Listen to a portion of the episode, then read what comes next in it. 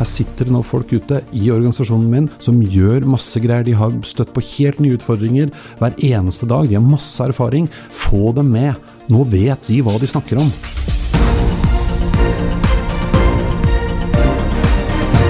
Dette er All In med Oslo Business Forum. Eirik Nordmann Hansen er nå i dag den syklende siviløkonomen som ble byråleder og innovatør, teknologientusiast og markedsfører av fremtidsoptimistiske muligheter og umuligheter alltid entusiastisk, oppdatert på nye soft- og hardware-muligheter, aktuell som foredragsholder, uansett hva det måtte være, med innslag om hva teknologien kan gi oss, og selvfølgelig podkasten 30 minutter inn i fremtiden, en av mine favoritter. Selv om jeg aldri nok har knekt den derre hyperadopsjonsteorien og fått det til en del av mitt eget DNA, Erik, skal vi snakke om det senere, og har det herlige slagordet tut og kjør. Og det er altså en fascinerende type som jeg alltid har stor glede av å samsnakke med, selv om jeg ikke alltid henger helt med. Og den gleden du har, denne urokkelige troen på fremskrittet, er jeg helt sikker på vi skal få delt i disse minuttene i denne podkasten med All In Oslo Business Forum. For du er invitert hit, Eirik, til å snakke om intraprenørskap han er for tiden engasjert, eller jobber for, eller med, eller hvordan det nå er, med Amesto, med et innovasjonsprosjekt fra innsiden av en stor organisasjon, altså intraprenørskap, som også tilbys til eksterne. Og i denne podkastepisoden ønsker jeg å lære mer om 1. Hvordan har Eirik opplevd dette pandemiåret? 2. Hva tenker han at ledere og innovatører må få med seg av endringer og trender? Og 3. Arbeidet som intraprenør og man kan dele noen verktøy som kan sikre suksess for deg som har ansvar for intern innovasjon. Velkommen til podkasten All In med Oslo Business Forum, en podkast for ledere som er lidenskapelig opptatt av ledelse, innovasjon og strategi.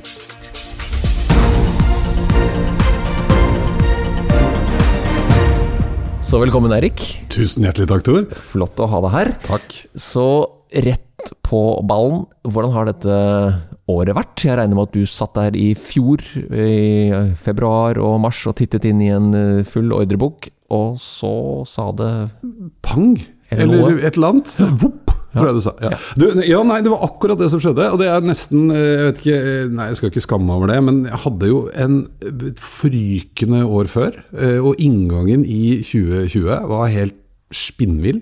Så jeg satt faktisk uka før det smalt og koste meg med, med Excel-arket mitt. Så på prognosen og tenkte gud bedre, dette går jo så de griner. Eh, og så, uka etter, så så det jo ganske annerledes ut. Masse oppdrag som bare ble stoppet, flyttet på, forsvant. Eh, veldig rar situasjon. Noe gikk jo akkurat de første ukene.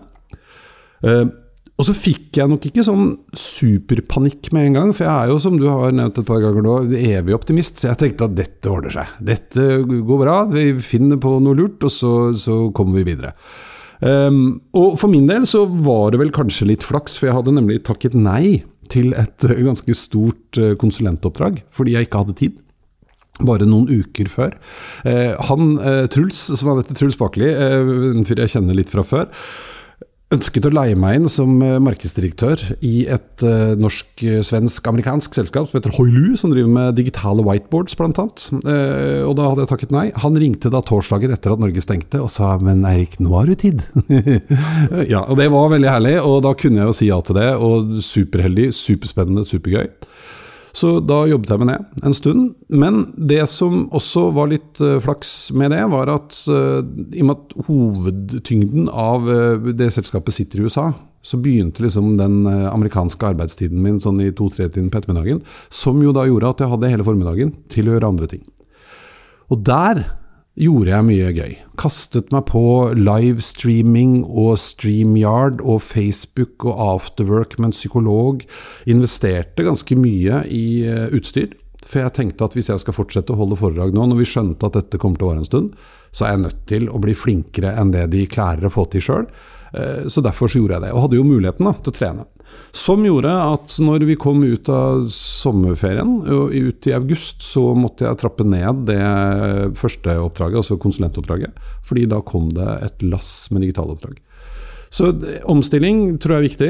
Det er liksom lett å si at jeg hadde flaks og det gikk av seg sjøl, men det gjorde jo ikke det. Jeg jobba beinhardt med å prøve å forstå da hvordan dette påvirker oss. Var, var, det tok det lang tid før kundene kom der og begynte å spørre om digitale leveranser? Sånn du husker det? Ja, det er litt sånn tja. For det var noen som kom ganske fort, som nok øh, hadde liksom veldig spesifikke behov. Og som da, fordi jeg hadde stukket fram nesa øh, og kjørt noen livesendinger og greier, øh, lurte på om ikke jeg ville være med og leke med de òg. Utfordringen til å begynne med var jo at det var særs dårlig betalingsvillighet. På den annen side så var det kanskje greit, for da fikk man liksom eksperimentert litt.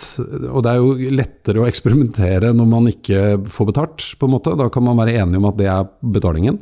Eh, så det syns jeg var fint. Eh, men så etter hvert så, så, snudde det seg. Så det tok litt tid. Men, men, og da var det nok først av alt litt sånn behovet som begynte å melde seg fordi bedriftene, når vi innså at dette tar litt tid, eh, hadde lyst til å, å holde hjula i gang. Man ville ut og kommunisere med kunder, man ville ut og gjøre ting både for rekruttering og for å vise at man levde. Eh, så da kom det sakte, men sikkert. Og så tror Jeg altså jeg hadde skikkelig sånn hockeykølleår. Eh, jeg husker regnskapsføreren min sa at hvis du hadde vist meg dette tallet her liksom i inngangen av året, så hadde jeg bare ledd av deg. Men det var nok også litt fordi at jeg holder jo òg en del foredrag som er kanskje tettere opp i underholdningsavdelingen. Og på slutten av året så var det en del bedrifter som hadde litt penger til overs og ville gjøre noe gøy på, øh, i forbindelse med jul. Så jeg har aldri faktisk hatt så mye å gjøre i desember noen gang. For det er vanligvis en sånn min type foredrag, da leier man andre. Men jeg dekket kanskje begge deler. da. Det var litt fag og litt gøy. Så da hadde jeg mye å gjøre. Men det, det var nok ikke sant, green screen, gjøre ting ordentlig, flerkameras produksjon. Øh, jeg øvde mye på det, altså. Mm. Blitt god òg? Jeg har blitt ganske god. men du gjør det alene? Ja, det gjør jeg alene. Eh, men så har jeg jo, som vi skal komme inn på etterpå, eh, gjennom dette intraprenørskapsprogrammet, også vært med å etablere et langt proffere streamingstudio, og da har jeg jo en med meg. Men det hender noen ganger, og eh, jeg har leid inn folk, eller én som jeg kjenner, for å hjelpe meg litt, litt avhengig av hvor stort eller lite det har vært. Men stort sett så gjør jeg det alene. Men det er ikke for seint, Erik, til de som ennå ikke helt har kommet i gang til å kaste seg på For det er jo læring, dette her. Det er bare læring. Ja. Du vet hva, Nei, det er ikke for seint i det hele tatt. Og det jeg syns har vært helt nydelig dette året, faktisk, eh, hvis man skal trekke fram noen av de positive tingene, er jo den evnen vi har hatt, og, og viljen vi har vist eh, hverandre til å, å backe hverandre, hjelpe hverandre. Eh, bare innenfor streaming f.eks. så finnes det nå, jeg er med i to tror jeg, sånne åpne Facebook-grupper hvor det er alt fra de glade amatører til tunge, profesjonelle folk som er med i de gruppene. Og man hjelper hverandre, man kommer med råd og tips og veiledning og lager instruksjonsvideoer. Jeg har gjort det selv også, eh, og det syns jeg har vært fint. Og det, det, er kanskje en av de tingene som har fascinert meg litt. Da. Dette året er sånn, at vi fra å gå inn i en fullstendig sånn nei, når folk ikke lov å bevege deg ute-situasjon. Eh, hvor vi egentlig Og da, altså med min bakgrunn som teknolog, da, eller jeg er jo ikke teknolog egentlig, for jeg er jo siviløkonom, som du sa, men uh, interessert i teknologi, så ble jeg ofte spurt om hva, hva, hva, slags ny teknologi må vi lære oss nå? Altså Var det jo ikke noe ny teknologi? Vi skulle bare ta i bruk eksisterende teknologi. Det er jo hyperadopsjon for øvrig. Definisjonen på. Når man ser nytten og verdien av noe, så adopterer vi det i et voldsomt tempo. Også ofte bortimot, om ikke helt eh, eksponentielt, så ikke så langt unna. Eh, og videokonferanser, f.eks. Videoplattformer har jo eksistert i mange år. Ingen har brukt det. Vi ble sjokkdigitalisert, hele bøtteballetten. Men vi trengte litt hjelp. Folk var ikke flinke. Man fikk det ikke helt til. Og så backa vi hverandre. Eh, og så får man det til allikevel. Og nå har det blitt liksom en selvfølge. Og det syns jeg er ganske morsomt. Så nei da, det er bare å kaste seg på. Og så vet jeg jo at uh, opplevelsen fra andre siden, da, når man sitter og ser en livestream eller et uh, online-event, så tror jeg folk har godtatt at det trenger ikke nødvendigvis være helt uh, full trekameraproduksjon og nei. masse grafikk som funker og spiller. Og man, man, hvis man fornemmer at det er live, ja. så godtar man at det ikke nødvendigvis er like hva er det unge, de unge sier, smooth. Smooth, nei, nei, og det er helt riktig. Så, så det er noe med det autentisk autentiske her òg, ja. Det er noe med det autentiske òg. Og så ser man jo det òg nå. For det, det, vi er jo litt rare. Dette diskuterte jeg med en her i forrige uke, faktisk. Vi, vi er jo litt merkelige. Fordi vi har jo levd med nå i mange mange år altså, Det er nesten bare Dagsrevyen og, og direkte altså sports... Eh, hva heter det for noe? Arrangement som blir sendt live på TV Alt annet som vi opplever som livesending med publikum, altså det er jo ikke det. Ikke nytt på nytt har jo aldri vært live, det ble tatt opp dagen før. Eh, og av en eller annen grunn, når vi skulle bevege oss inn i webstreamingsverden, så skulle alt på Dødelig være live. Der ser jeg jo at det er en endring. Jeg har sikkert nå vært med på 40-50 forskjellige digitale arrangementer siden i fjor høst, da, etter sommeren i fjor. Eh, av mer eller mindre profesjonell eh, skala, eller på mer eller mindre profesjonell skala. Og oftere og oftere så er det studio og opptak og redigert og sendes som om det var live, men det er ikke helt live. Er det en av de trendene du ser, som, som nå har, som er annerledes? enn det det var i hvert fall i begynnelsen Til av med, pandemien? Ja. Absolutt, og da tror jeg det var litt fordi vi famla litt òg. For da skulle vi Det er jo litt sånn vi mennesker er òg, at man veldig fort skal prøve å finne en løsning på å erstatte ting sånn som vi alltid har gjort det før. Og Før hadde vi frokostseminarer, nå måtte vi ha webinarer. Da måtte det være live. Eh, men så tror jeg at mange ser òg at selv om ikke du behøver å ha som du sier, superproft utstyr og trekameras produksjon, eh, det å ta det opp og så sende det eh, Du kan allikevel være tilgjengelig for å svare på spørsmål og ha den live-dimensjonen. Det gjør jo at du tar bort noe av risikoen, for det vet vi jo òg. At når du kjører ting live, så, så, er det mye som kan gå gærent. Kameraer henger seg, og lyden blir borte, og nettet detter ned. og men der også opplever jeg jo at vi nå etter hvert har blitt litt mer avslappa. Fordi det var en eh, som la ut her, syns jeg er en veldig veldig gøy greie på talelistens eh, talere. En sånn lukket forening for oss som prater mye. Og han sa at i går opplevde jeg alle taleres store mareritt. Jeg var midt i foredraget, så gikk strømmen. Men når jeg skrudde på strømmen, så var alle fortsatt der, og ingen var død. Og det er noe med det. ikke sant? Altså, vi, vi får jo eh, Ja, så, så begynner, vi begynner å slappe av litt mer, men, og det syns jeg er fint. Som jeg òg tror, eh, hvis vi beveger oss litt utenfor eh, mer eller mindre viktige webinarer, eh, så har dette også bidratt til at folks evne til å teste ut nye ting, vilje til å prøve nye ting Det har vært et fall i IT-policies dette året. Ikke sant? Fordi at nå kunne man ikke lenger si at nei, nei, her bruker vi bare ikke? Det, Nei, det måtte åpne opp for mer. Eh, og som jeg sa i stad, jeg opplever òg at folk i andre enden, mottakeren, har, som du sa, mye, mye eh, høyere blir det, terskel. Mye høyere toleranse for at ting ikke nødvendigvis er 100% perfekt første gang. Det har blitt et slags samspill. Og dette igjen har jo gjort da at vi nå eksperimenterer mer, man tester mer, man prøver å finne nye løsninger for å gjøre ting på en smartere, bedre, mer effektiv måte, riktig måte, ut ifra forutsetningene nå. Men det har man jo også sett, at vi kommer til å fortsette med en del av det eh, fremover. Det er veldig krevende, Erik, for jeg holder også noen uh, online-webinarer og, og, kursing og greier. Og jeg strever jo fortsatt med balansen der. Jeg er jo relativt trygg på mitt eget innhold, selvfølgelig, men jeg merker jo fortsatt en sånn veldig, skal jeg, uten å pakke det for mye, en hårsårhet. For at alt som kommer gjennom eh, en eh, streamkanal, det blir jo nesten eh, broadcastet i store bokstaver. Så, så det er vanskeligere for mottakeren å skjønne når foredragsholderen prøver å, prøver å dra de med på en liten sånn tankerekke som ikke nødvendigvis skal opponeres mot. Nei. Så det er nok krevende ennå. Ja. Så jeg, jeg driver og vurderer liksom å holde på sånn liten sånn Nå tuller jeg litt her, nå prater jeg bare litt sånn tull og tøys, og så skal jeg ta ned den igjen. Nå snakker vi om det, de faglige tingene. Men, men, det er jo et viktig poeng. For én ting er utstyret vårt. ikke sant? Og så, og så kunne man kanskje det det jeg pleier å anbefale folk å gjøre, det er å, om ikke annet, så kjøp deg i hvert fall et sånt webkamera til 650 kroner, eh, og, og, få det litt opp. Vi er jo fortsatt sånn med laptopen nede på bordet eh, og opp i nesa? Så, og, og, det ser ikke noe hyggelig ut. En annen ting jeg pleier å si, er at hvis du skal holde et innlegg, og det mener jeg jo gjelder også bare i et møte i fysisk forstand, reis deg opp. For når du står og snakker, så tar du rommet på en annen måte. Du er mer fremoverlent. Og så er det, som du var inne på nå, innholdet ditt. Hvordan skal presentasjonen være? Huske på at folk ser på små skjermer, og det er ikke så lett å alltid skjønne når du spøker, ikke spøker. En annen ting som er forferdelig vanskelig for oss som leverer budskapet, da, det er at du får jo ikke lenger den umiddelbare responsen fra publikummet. Det syns jeg òg er vanskelig, så det må man øve på. Eh, og, så sitter de nok antakeligvis og gjør andre ting samtidig. samtidig. Og, det er også en utfordring å vite. Som, jeg er jo lærer, og jeg er opptatt av, av og det er jo klart, man, man, ser jo om folk følger med eller ikke. Men hvis du har 50 eller 100 stykker på Teams, og ja, du kan se bakhodet deres eh, etter hvert og skjønner at de gjør andre ting. Men den derre toveisgreia, Den må vi øve mer på. Men vi, skal, vi kan sikkert snakke mer om det seinere, for jeg, jeg, er jo nysgjerrig på trender og endringer, selv om vi ikke er i nærheten av å være så opplest og oppdatert som det du er. Hva må vi få med oss nå for tiden, Erik? Nei, du, vet du hva, jeg tror at det litt spennende akkurat nå er at vi jo faktisk ikke helt vet hvordan det blir. Oi. ja, for en gangs skyld. Eh, fordi vi er jo i en helt spesiell situasjon. Eh, så noen ganger så blir jeg også litt overrasket over hvor mye energi vi bruker på å diskutere noe som vi på en måte vet kommer til å gå over. Dette er sånn, skal, nei, Naturligvis skal vi ikke fortsette å være bare på hjemmekontor. Men det jeg syns er interessant, det er jo når man ser sant, når Opinion gjør eh, målinger, når uh, altså mange av de store konsulenthusene har gjort uh, målinger, det gjøres masse mer og mer forskning på dette området nå, så er jo mennesket nydelig. ikke sant? Vi vil jo i utgangspunktet helst ikke bruke så mye energi på å endre oss. Det ligger liksom dypt inne i vårt DNA.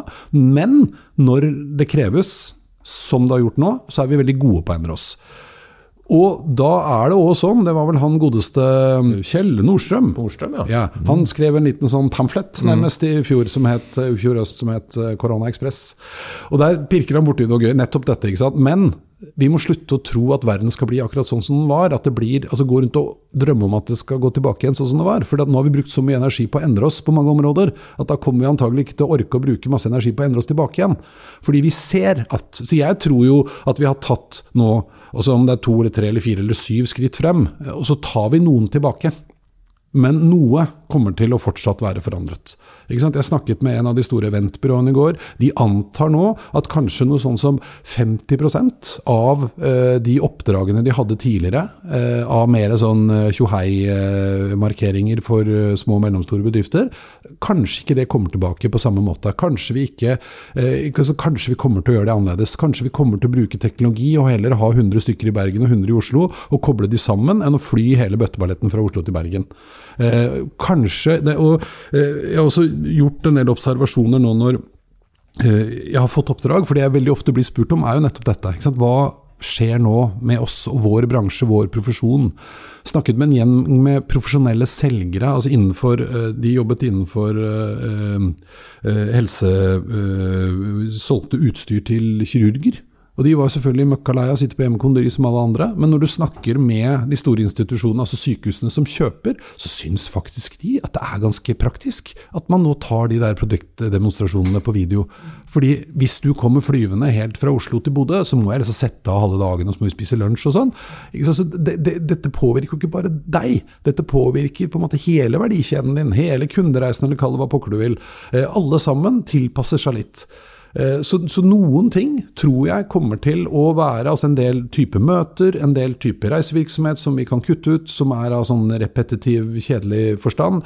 Eh, en del eh, måten å jobbe på. altså Bare muligheten vi har sett nå vi har på å hente inn en, en ekspert fra et annet land. Det funker som bare pokker. Eh, og, så jeg tror mye Forventningen om at det finnes et digitalt alternativ, eh, den kommer til å være der. Så jeg tror at det som kanskje er av den største endringen, er at vi har tatt i bruk forferdelig mange flere digitale verktøy enn det vi brukte før. Ikke fordi de ikke fantes, men fordi vi ikke gadd.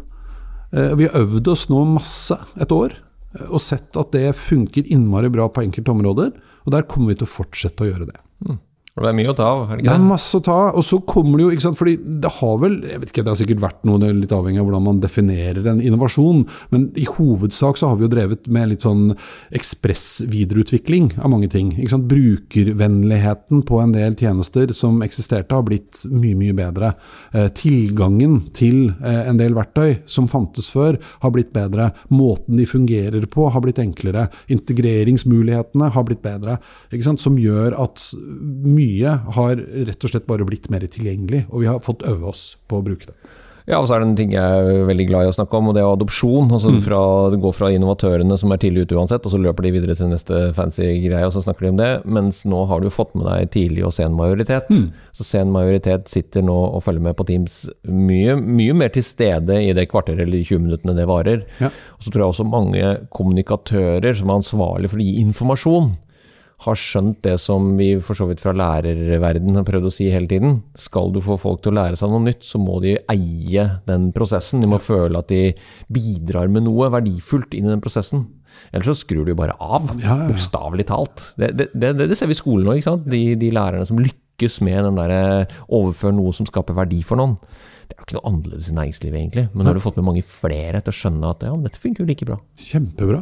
Og så er det jo, tenk på, altså, tenk på alle de møtene som har blitt avlyst i siste liten fordi én person av en eller annen grunn ble sittende fast på flyplassen, eller toget var forsinka, eller et eller annet sånt. Og da har vi på autopilot sagt ja, men da får vi finne et nytt møtetidspunkt. Ja. Nå kommer ikke det til å skje, for da kommer vedkommende til å bare joine ja. digitalt. Ja. Jeg var med å fasilitere en, eh, en, workshop her, og det var jo rett og slett en forretningsutviklingssession for et stort selskap i Kristiansand nå forrige uke. Og måten det fungerer på da, da han, For det første så hadde de rekruttert de menneskene, det var frivillig å være med. Det var over 40 ansatte, vet jeg ikke hvor mange de er i hele bedriften, 40 ansatte, en ganske anselig mengde mennesker. De var med fordi de var keen på å være med. Og så da å bruke breakout sessions. Noen var faktisk i samme rom, noen, men du kan ta på veggen. ikke sant? Og det funka som bare rakkeren. Og jeg kan sitte i Oslo, og jeg kunne være med på alle breakout sessionene eh, og, og, og, bidra. ikke sant? Og vi bruker digitale verktøy for å samle opp og samle inn og hente eh, informasjon. Eh, og jeg kan komme inn som utenfor istedenfor å bli flydd ned til Kristiansand. Altså, det åpner opp for fantastisk mange muligheter. Og så er det klart at det er en del utfordringer med det også. Både i forhold til folk som Altså, det er mange som ikke har hatt det bra, sånn, av, og det må vi ta vare på. Eh, og så har man jo også begynt å se litt da, at det kan skape et slags eh, om, eh, klasseskille, eller jeg vet ikke om det er et godt ord å bruke, men det finnes yrkesgrupper som ikke kan benytte seg av fleksibiliteten pga. jobben. Og så ser de at sjefen eller administrasjonen gjør det, og jeg får ikke lov. Eh, ikke sant, hvordan skal vi håndtere det? Så det reiser en del spennende spørsmål. Men eh, først og fremst så tror jeg det er utrolig mange muligheter. Takk. Vi har en, eh, jeg har ønske om å snakke med deg om intraprenørskap. Ja. For jeg vet at du er nå tungt inni Jeg vet ikke hvor mye tid du bruker på dette, men du er altså inni Amesto sitt intraprenørskapsselskap. Ja. Eh, og hvis ikke jeg husker feil, så hadde det noe med markedsføring å gjøre. Ja. Det heter Investor Marketing, ikke sant? Det heter Investor Marketing, ja. Ikke nødvendigvis marketing, da. Det er jeg som er litt flåst der. Ja. Men jobber dere med noe innovasjons- eller intraprenørskapsmetodologi, eller eh, Du vet jo, jeg er jo en tørrpinne. Du er en tørrpinne og ja. en eh, teoretiker. Nei, altså hele greia her var jo at Amesto har et program som de kaller for sitt intraprenørskapsprogram. Og det programmet det eksisterer for å fremme og motivere folk til å komme med nye ideer, og, og, er ideen god, så vil Amesto være med på å sette opp det som et selskap som du som initiativtaker får eierskap til. Eh, og de har jo tilgang til sant, mentorer og erfarne folk, og det bygges opp et selskap. Du trenger kanskje ikke å spytte inn alle sparepengene dine, eh, og så kan dette realiseres. Ja. Det er liksom grunnideen. En sandbox, heter det. Rett og slett. På, på ja. Men så har de tatt det da noen hakk videre. Ikke sant? Sånn at uh, Nextbridge, f.eks., som er et av de fremste miljøene på kunstig intelligens og dataanalyse, det har da blitt en del av Amestos intraprenørskapsprogram. Uh, i, mitt, uh, I min sammenheng så var jo dette Jeg kjenner jo da Arild Spandau litt fra før. Vi satt en ettermiddag og drodla og tenkte høyt, og så sier jeg til ham at nå skulle du starte studio, vet du. og så snakket vi litt om ja, det hadde vært spennende, fordi markedet er sånn og sånn. Hvordan tror vi det vil fortsette å være sånn, eller vil det endre seg? Hvilke muligheter ser vi her sånn? Så kom vi inn på noe annet. Jo, men vi hadde tenkt til å ta da denne markedsdelen. Vi har altså rett og slett et markedsselskap i eh, Nei, markedsavdeling i et av de store selskapene de eier, som de da har skilt ut til da det som heter Amesto Marketing. Jeg har fått en eierandel. Eh, Amesto går inn med mye penger. Jeg har fått lov å være med å bygge opp studio, hvor vi da ikke bare liksom den praktiske biten av å sette opp et studio og, og, markedsføre det, men nå begynner å se på hele liksom verdikjeden. Kan vi tilby tjenester til små og mellomstore bedrifter som hjelper de ikke bare å få avviklet webinaret sitt, men å eh, generere leads, f.eks. Hvordan kan vi inkorporere eh, CRM-systemer, eh, leads-kvalifisering osv. osv. Så så, så det er en del av den pakka. Da blir det skilt ut som et eget selskap. Min belønning oppi det hele foreløpig er at jeg får lov å være med og eie litt. Og så er det jo i tillegg en plattform hvor jeg kan selge mine programledertjenester og den type ting da, uh, inn i studio. Mm. Men ikke noe intraprenørskapsmetodikk type Nathan Furr, som jeg har nevnt for deg, Nei, altså, opptatt av? Ja, som ja, Som jeg vet virker. Nei, altså, jeg, jeg tror den der, det, altså, det er veldig spennende med driftige folk som lager ting. Mm. Og så er det jo det som er fordelen, tror jeg, da, med når akademia møter praksis. Og du er jo en akademiker selv også, Eirik. Mm. Du tenker jo analytisk, og du er jo opptatt av å sammenligne størrelser. og Og hyperadopsjon kommer jo ikke fra at du har sykla fort hjemmefra til kontoret. Det er jo noen som har forsket og tenkt og ja, ja, på ja. og påvirket deg. Jeg tror jo Nathan Furr sin, sin, enkle oppskrift på hva intraprenørskap er, vil appellere veldig til deg. For mm. du, det snakker om en sånn humankapital, altså hvem du er, og så internt i selskapet, hvilken sosial kapital har du? Mm. Og så kanskje den fiffige, altså hvilken, hvilket rykte har du internt i selskapet? Og det mm. tar jo litt tid å bygge opp det. Mm. Og der tror jeg det, det, handler litt om timingen når man er i en organisasjon, og den kan være ganske liten også. Det tar litt tid før du får orientert deg, det tar litt tid før du kan banke på til eieren eller sjefen og si at du, jeg ser hvordan vi gjør dette, men jeg har noen tanker om hvordan vi kan gjøre det annerledes. Og det er jo intraprenørskap. Ja, ja, ja. Og så sier Nathan før noe annet veldig spennende. Han sier jo det at du også må kunne pakkettere den historien. Mm. Og nå fram til de interessenthaverne, altså broadcast the story, som jo er marketing. Mm internt, gjerne, i en organisasjon eller med partnere eller noe annet. Og da vil du få til intraprenørskap. Mm. Det, men det er nok uh, Arild er nok mer bevisst disse tingene. Men det er hans løse kanon ja, ja, ja. På, på, jo, men det er jo nettopp det. Altså, en viktig grunn til at de ville ha, eller han ville ha med meg, eh, var jo nettopp fordi at jeg har nå tross alt klart å lage meg et slags navn og rykte der ute. Eh, og det å henge et studio på det, og, og kunne bruke det for alt det det er verdt, det er jo hele tanken. Og så har de på en måte kapitalen, og så har de strukturen, og så har de eh, hele liksom, den forretningsmessige siden som man trenger. Eh, og så kan jeg løpe rundt og, og, markedsføre og bidra. Og både internt og eksternt. Eh, definitivt. Og så syns jeg du skriver din egen verdi veldig langt ned, for jeg vet jo at du var en veldig god byråleder, og du er god med folk, Erik. Og det, og det handler jo om folk her. Altså, ja, ja. Og særlig bevege de som da kanskje ikke er helt enig i at det er en god idé. For det er som du sa i sted, altså adopsjon handler jo om å være trygg i noe som fins. Mm.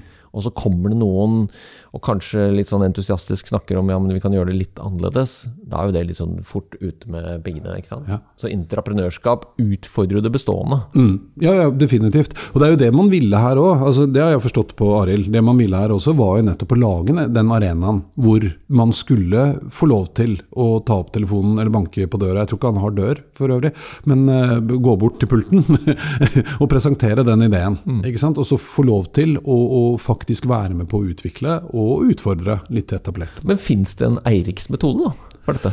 Ja, altså det, kan du si. Eh, nå, tut og kjør er vel kanskje ikke tatt helt jo, ut av Jo, men det er jo metode. Ja, ja, det er jo ikke tatt helt ut av det blå.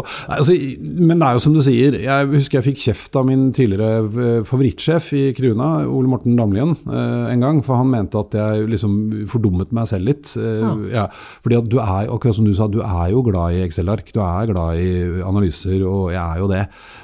Og når jeg startet for meg selv, så, så har jeg brukt mye tid på bruker CRM-systemer og pipe og holder på og regner ut og sannsynligheter. Og, ikke sant? Og det er klart at, men, men, det som kanskje har vært min greie, og som har vært viktig for meg, da, er at jeg må få 100% tenning på noe for at jeg skal gidde å ta det videre. Eh, og hvis jeg ikke gjør det, eh, og det er for så vidt et godt råd òg hvis du skal gå og pitche en idé til noen Hvis du sliter med å liksom kjenne Altså du tviler på ideen din, kanskje ikke bruk mer tid på å lage den presentasjonen. Da er det noe med å gå hjem og tenke seg om en gang til. Eh, og, og den tenningen det handler jo ikke bare om å finne på et eller annet sprøyt og gøy og rart. Det handler jo om den tosidigheten. Da. Her fornemmer jeg at det er en mulighet, et eller annet jeg kunne ta tak i. Kan jeg uh, sjekke med noen om det er tilfellet. Har jo ikke vært så vanskelig akkurat nå, men jeg gjorde jo en liten undersøkelse på om uh, kunne man tenke seg et ferdig satt opp streamingstudio hvor du banker på døren og kommer inn, og så får du Ja, vær så god. Ikke noe annet. Ferdig med én tekniker i døra og uh, tut og kjør. og vær så god. Så, så, det er jo liksom vært min tanke. Det samme når jeg startet mitt forrige byrå for Akando. Da var det jo en annen eh, eier som etablerte et uh, brukeropplevelsesbyrå. Eh, og da var det veldig viktig for meg at vi var enige om liksom, tanken, det vi skulle jobbe med, eh, og den modellen som jeg trodde på. Som ikke var å selge hoder som konsulenter, men eh, å, å, skape eh, noe annet.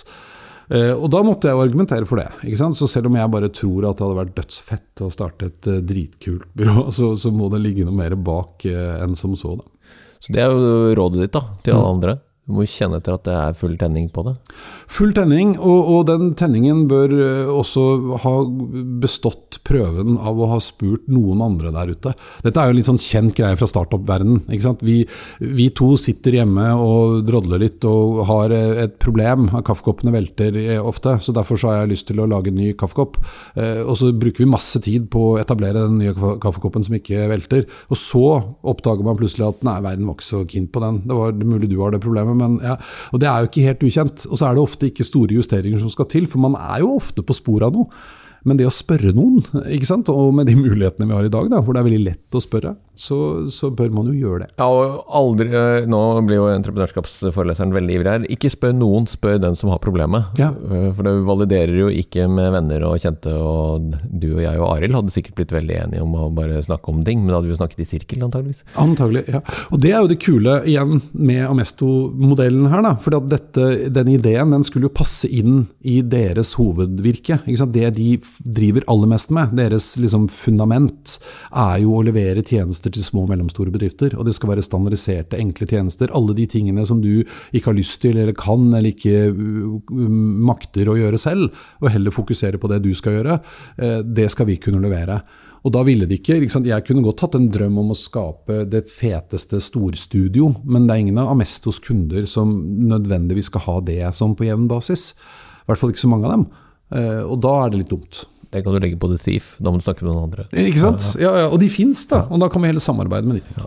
Har du noen uh, oppsummerende sånn must som folk må gjøre nå? Altså når de sitter i lederposisjoner og lurer på 2021 fortsatt, 2022, hva er det de må gjøre nå, Erik? Ja, du, altså Det jeg tror man må gjøre nå, det er å ikke stoppe å være nysgjerrig. Det høres litt teit ut, men det er noe med at vi har nå vært utrolig liksom låst i måten vi alltid har gjort ting på. Og så fikk vi en ordentlig nesestyver som åpnet opp og tvang fram nysgjerrigheten, i den grad man kan si det. For nysgjerrighet bør jo helst komme naturlig. Men, men så involvere folk. Altså F.eks. denne workshopen jeg var med på nå sist. Det er da topplederen som har sett at vet du hva, her sitter det nå folk ute i organisasjonen min som gjør masse greier. De har støtt på helt nye utfordringer hver eneste dag. De har masse erfaring. Få dem med. Nå vet de hva de snakker om. Vi, ting har blitt veldig mye mer distribuert. Så, fordi det er litt sånn, altså Teknologi kommer bare til å fortsette å utvikle seg. kommer bare til å fortsette, altså Jeg pleier jo å starte mine foredrag om dagen med å si at vi er jo kjempeheldige som lever i en tid hvor vi aldri noensinne har kunnet gjøre så mye fantastisk som det vi kan akkurat nå.